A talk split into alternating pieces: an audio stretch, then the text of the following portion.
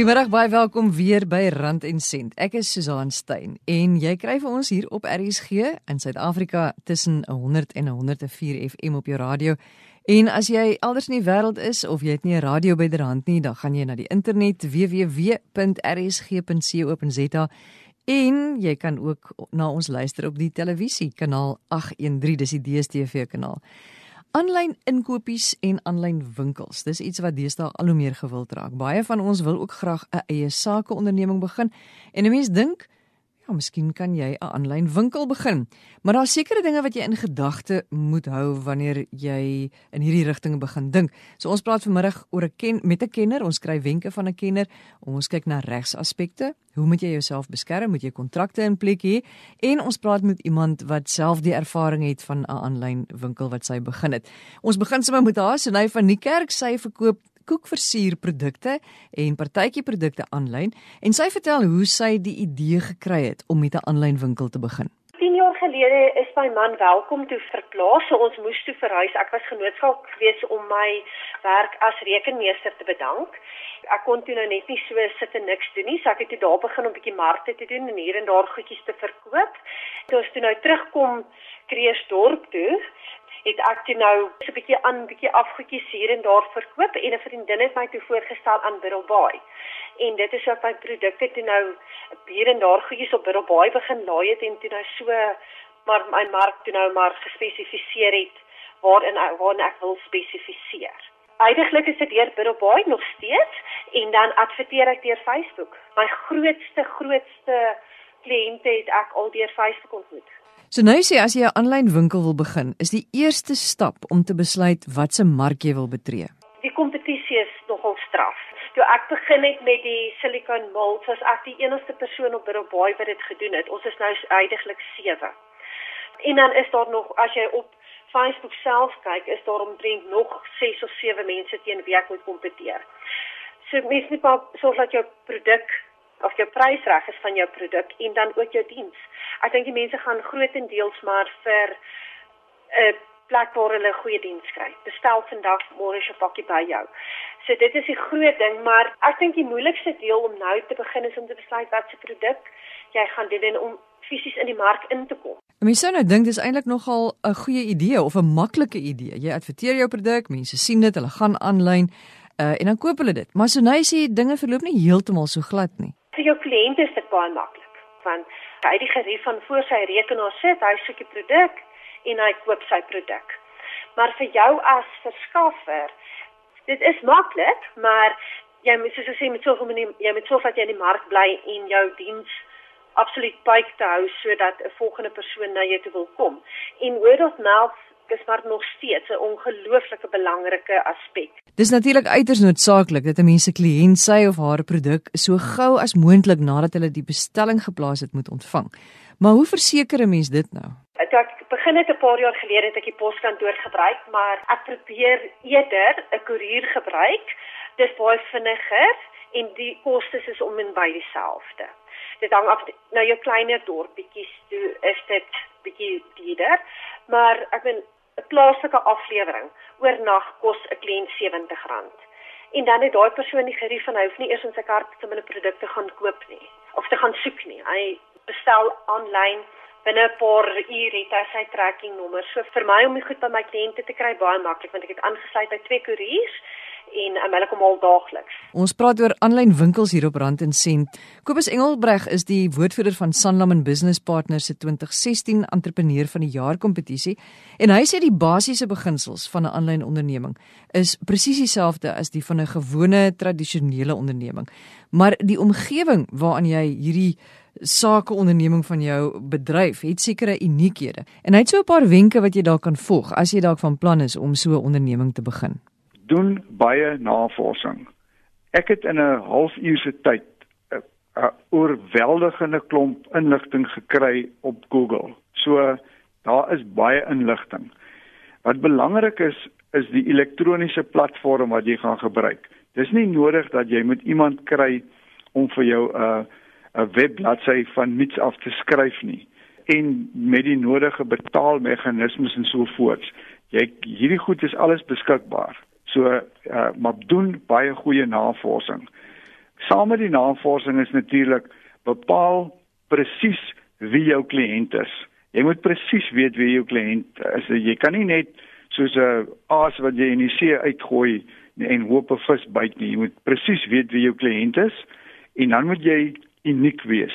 Hoekom moet mense by jou koop? Hoekom kan hulle nie die die produk wat jy uh, beskikbaar stel by iemand anders koop nie?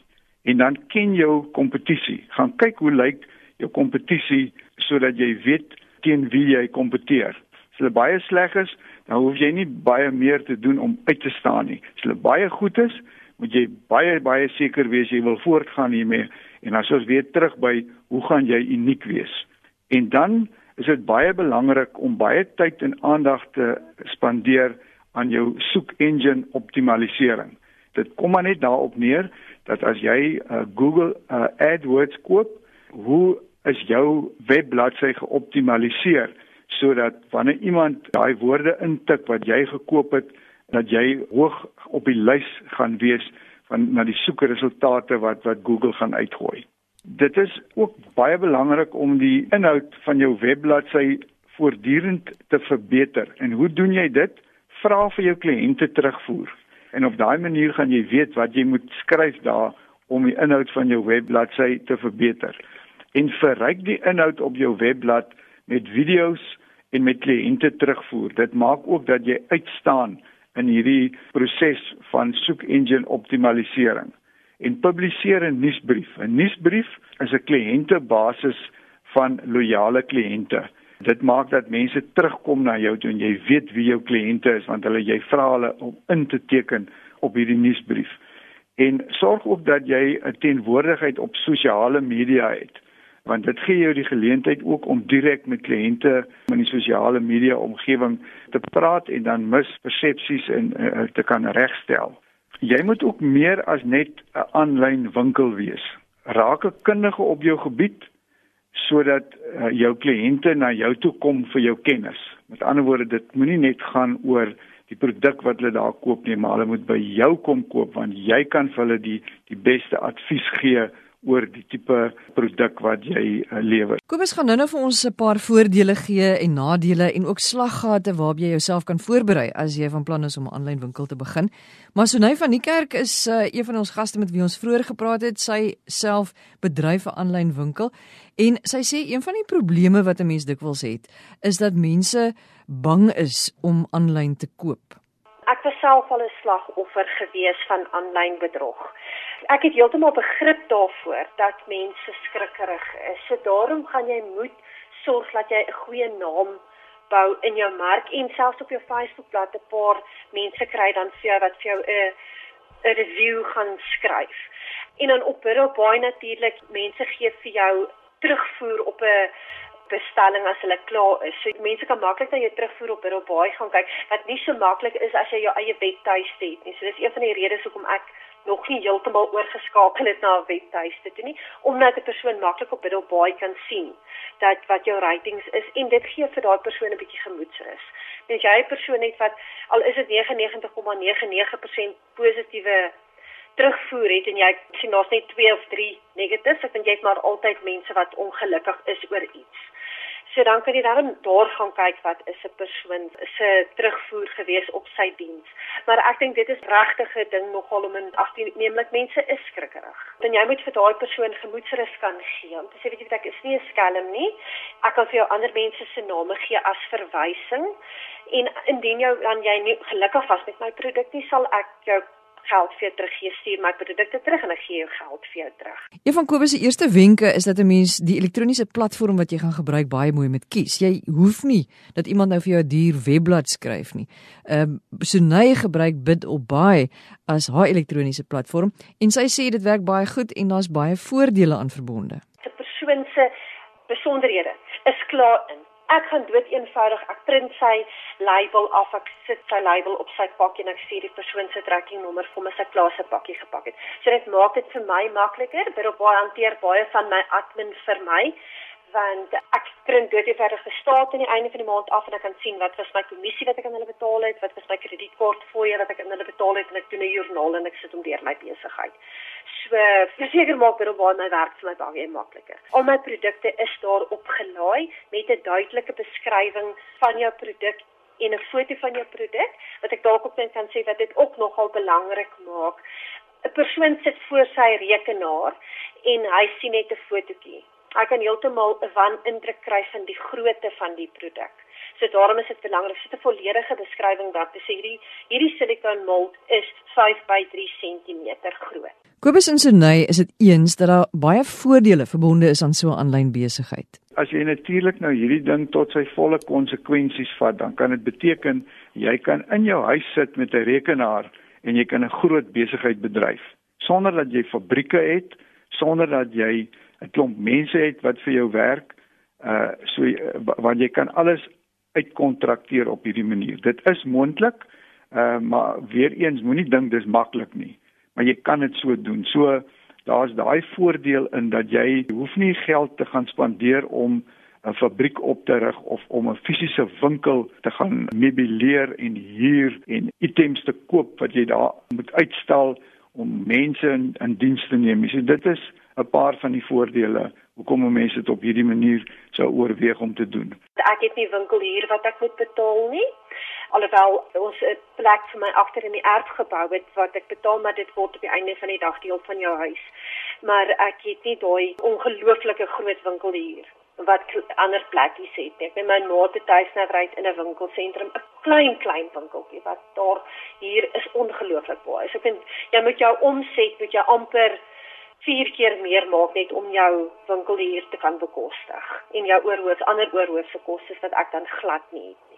My grootste onkoste is my persoon wat ek het wat vir my werk, want ek het 'n kantoorassistent en dan natuurlik my internetkostes. Nog 'n voordeel is dat produkte wat nie noodwendig in klein plattelandsdorpies beskikbaar is nie, word dan beskikbaar gestel vir mense in die platteland. Ek stuur byvoorbeeld pakkies na Kuruman wat toe miskien al daai klein plekkies as ek 'n pakkie sien te stuur neem met ongeveer 5 dae dit is bietjie langer as wat jy hom nou plaaslik in die stad stal stuur maar ten minste het 'n persoon wat nie toegang het tot al hierdie goedie kan dan ook al hierdie mooi goedjies dan toegang kry. So dit is vir verseker maak ons dit vir mense wat in kleiner plekkies is ook die moeite werd Maar sulke aanlyn besighede het natuurlik ook hulle nadele. Wel die nadele is dat jy kan 'n klomp geld en tyd spandeer op iets wat nie gaan werk nie en wat jou gefrustreerd gaan laat en dalk nog insolvent ook. So 'n mens moet versigtig te werk gaan, maar dit beteken nie dat jy dit nie moet doen nie. Dit is maar soos enige ander besigheid. Hoekom sal 'n mens 'n besigheid uh,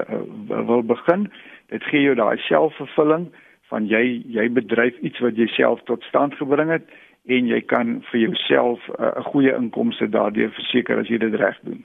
'n Nadeel verseker is dat jy enige tyd van die dag of redelike ure beskikbaar moet wees. 'n Persoon sal gewoonlik na ure na 'n produk kyk en dan wil hy op daai stadium wil hy antwoord op sy produk hê. So dit help nie jy gaan 'n persoon eers 2 of 3 dae later op sy produk antwoord nie. Dit is nie altyd moontlik om 'n persoon onmiddellik te antwoord nie, maar ek probeer so ver as moontlik om 'n persoon so gou as moontlik te antwoord terwyl hy nog belangstel in jou produk is om sy belangstelling te hou en dan vir hom 'n antwoord op sy produkte kan gee. 'n Aanlyn sake onderneming klink baie aantreklik, maar wanneer jy besluit om 'n besigheid te begin, hoe gaan jy weet wat die beste is vir jou produk, 'n aanlyn winkel of om maar liewer die tradisionele roete te gaan? Kobus sê hierdie besluit lê eintlik by jou kliënte. Die kliënte wat jy beoog om te trek met jou produk, is dit die tipe kliënte wat aanlyn sal koop. En dit moet 'n mens deur navorsing bepaal. Enige iemand gaan nie aanlyn koop nie. Enige iemand gaan ook nie alle produkte aanlyn wil koop nie. So jy moet baie seker wees dat dit nie net 'n mog getroffe poging is nie. Gaan vind uit of dit die regte produk vir die regte kliënte is om op hierdie manier aan hulle te verkoop. Behalwe die voor en nadele waaroor Kobus en Sonay nou gepraat het, is daar nog 'n paar slaggate wat Kobus sê jy jou maar op moet voorberei. Ek het 'n paar baie interessante artikels op afgekom toe ek my navorsing gedoen het. Ek gaan so 'n paar noem in die slaggate wat wat daarin uitgewys is. Die eerste een is jy moet geduldig wees. Jy moet tyd en geld hê om te spandeer hieraan. As jy nie baie geld het nie, moet jy meer tyd hê om te spandeer aan hierdie oprigting van hierdie besigheid. En moenie dink dat dit 'n vinnig ryk word skema is nie. Om in besigheid te wees is nie maklik nie. Hierdie is ook nie net 'n maklike manier. Moenie dink jy gaan net 'n uh, webblad skryf en en jou webblad lewendig maak en ewe skielik gaan die geld begin instroom nie. So jy moet baie tyd en aandag spandeer aan die bemarking van jou webwerf. Want hoe anders te gaan kliënte weet dat jy daar is. En dan kan jy natuurlik met die as as jy nie vertroud is met webtegnologie nie en daarby bedoel ek nie met 'n rekenaarprogrammeerder wees nie maar ek meen as jy nou sukkel om jou aanlyn bankdienste te kan doen en uh en, en jy sukkel om a, om 'n e-pos te skryf dan moet jy liewerster eers gaan en vir jouself kundig maak oor hierdie wêreld waarin jy jou gaan begewe want anderster gaan jy gefrustreerd raak en jy gaan jou vingers verbrand. Dit was Kobus Engelbregt, hy is die woordvoerder van Sanlam en Business Partners se 2016 entrepreneur van die jaar kompetisie en Sunay van die Kerk, sy is die eienaar van Lamey. Hulle verkoop koekversieringsprodukte en partytjieprodukte aanlyn. Ons praat vandag oor aanlyn winkels. Hoe maklik is dit om een te begin? Uh, wat moet jy alles in gedagte hou as jy een begin? Ons het nou gepraat met 'n kenner wat vir ons wenke gegee het van hoe dit werk en wat jy in gedagte moet hou en met iemand wat self 'n aanlyn winkel begin het en uh, presies weet waaroor dit gaan. En nou gaan ons kyk na die regsfeite. Wat moet jy weet om jou regs tegnies te beskerm as iets sou verkeerd loop en voordat jy so 'n besigheid begin? Jy weet wat moet jy in plek hê? Is daar sekere kontrakte wat jy moet hê of kan jy nou maar net sommer wegtrek en begin. Nicoline Skuman Lou is uh, van Skuman Law ingelyf en sy gee vir ons 'n paar wenke as jy belangstel daarin om 'n aanlyn winkel te begin, wat moet jy weet in terme van die wet? Sou ek voorstel dat verskaffers of aanlyn besighede dan uh, seker sal maak dat hulle 'n fisiese adres het en dat hulle dit ook kommunikeer op hulle webwerf sodat dit vertroue inboesem in die potensiële vir die potensiële kliënt. Tweedens ook om seker te maak dat die betalingsplatform wat gebruik word of aangewend word, dat dit genoegsaam is, dat dit 'n bekende platform is en ook dat dit 'n betroubare platform is. Kom ons gaan dan oor na die die meer regspesifieke wenke. Aanlyn of aflyn 'n besigheid bly 'n besigheid. So Eerstens is dit baie belangrik om seker te maak dat dit geregistreer is. Ons as prokureurs stel altyd voor dat kliënte hulle besighede registreer in 'n spesifieke entiteit soos byvoorbeeld 'n privaat maatskappy want dit beperk jou as besigheidseienaar se risiko. Indien jy nie dit sou registreer nie, dan is jy wat ons na verwys as 'n eenmansaak en daar's geen skeiding tussen 'n een eenmansaak se privaat bates en die bates van die besigheid nie. Dieselfde geld dan ook met betrekking tot skuld. So baie belangrik om te verseker dat dat die korrekte tipe entiteit wat mees geskik is vir jou tipe besigheid geregistreer word. Dan is ons kyk na kontrakte. Natuurlik al die kontrakte wat wat met die entiteit gepaard sou gaan, uh, moet in plek gesit word addisionele kontrakte kan wees die kontrak in terme van die dienslewering of die produklewering aan die kliënt self. So basies terme en voorwaardes wat mens tradisioneel op 'n webwerf sal vind om te sê dit is my diens, dit is wat dit behels, dit is hoe die betalingsstelsel werk, dit is hoe omruiling en ehm um, ensovoorts sal werk. So is baie belangrik dat so tipe ooreenkomste ook in plek gestel word en dat dit dan op die webwerf gelaai sal word waar die kliënt dit kan besigtig, behoorlik kan deurgaan en dit dan ook aanvaar. Baie belangrik is ook om te kyk na die beskerming van persoonlike inligting as ook die verbruikerswet. Nou veral met 'n aanlyn besigheid is die beskerming van persoonlike inligting of in Engels the Promotion of Personal Information Act of POPI soos wat ons in die industrie dit na verwys baie belangrik om behoorlik oorweeg te word. So eerstens verseker dat die inligting wat uh, van kliënte of potensiële kliënte versamel word, dat dit regtig nodig is om daardie inligting te versamel. Hoe word die inligting gestoor? Is dit beskerm of kan dit dalk versprei word sonder toestemming? Kyk ook dan na wie het toegang tot die inligting? Hoe kan mens die risiko beperk dat die inligting nie onregmatiglik gelek word nie? En dan kyk ook daarna hoe lank word die inligting gestoor? Is dit op 'n stelsel wat dalk vir meer as 'n spesifieke tyd gestoor word? Waar word dit gestoor? Is dit onder jou direkte beheer as besigheidseienaar, met ander woorde in jou kantoor op 'n harde skyf of sit dit iewers oor see en jy's dalk nie eers bewus van waar die inligting op hierdie webwerf gestoor word nie.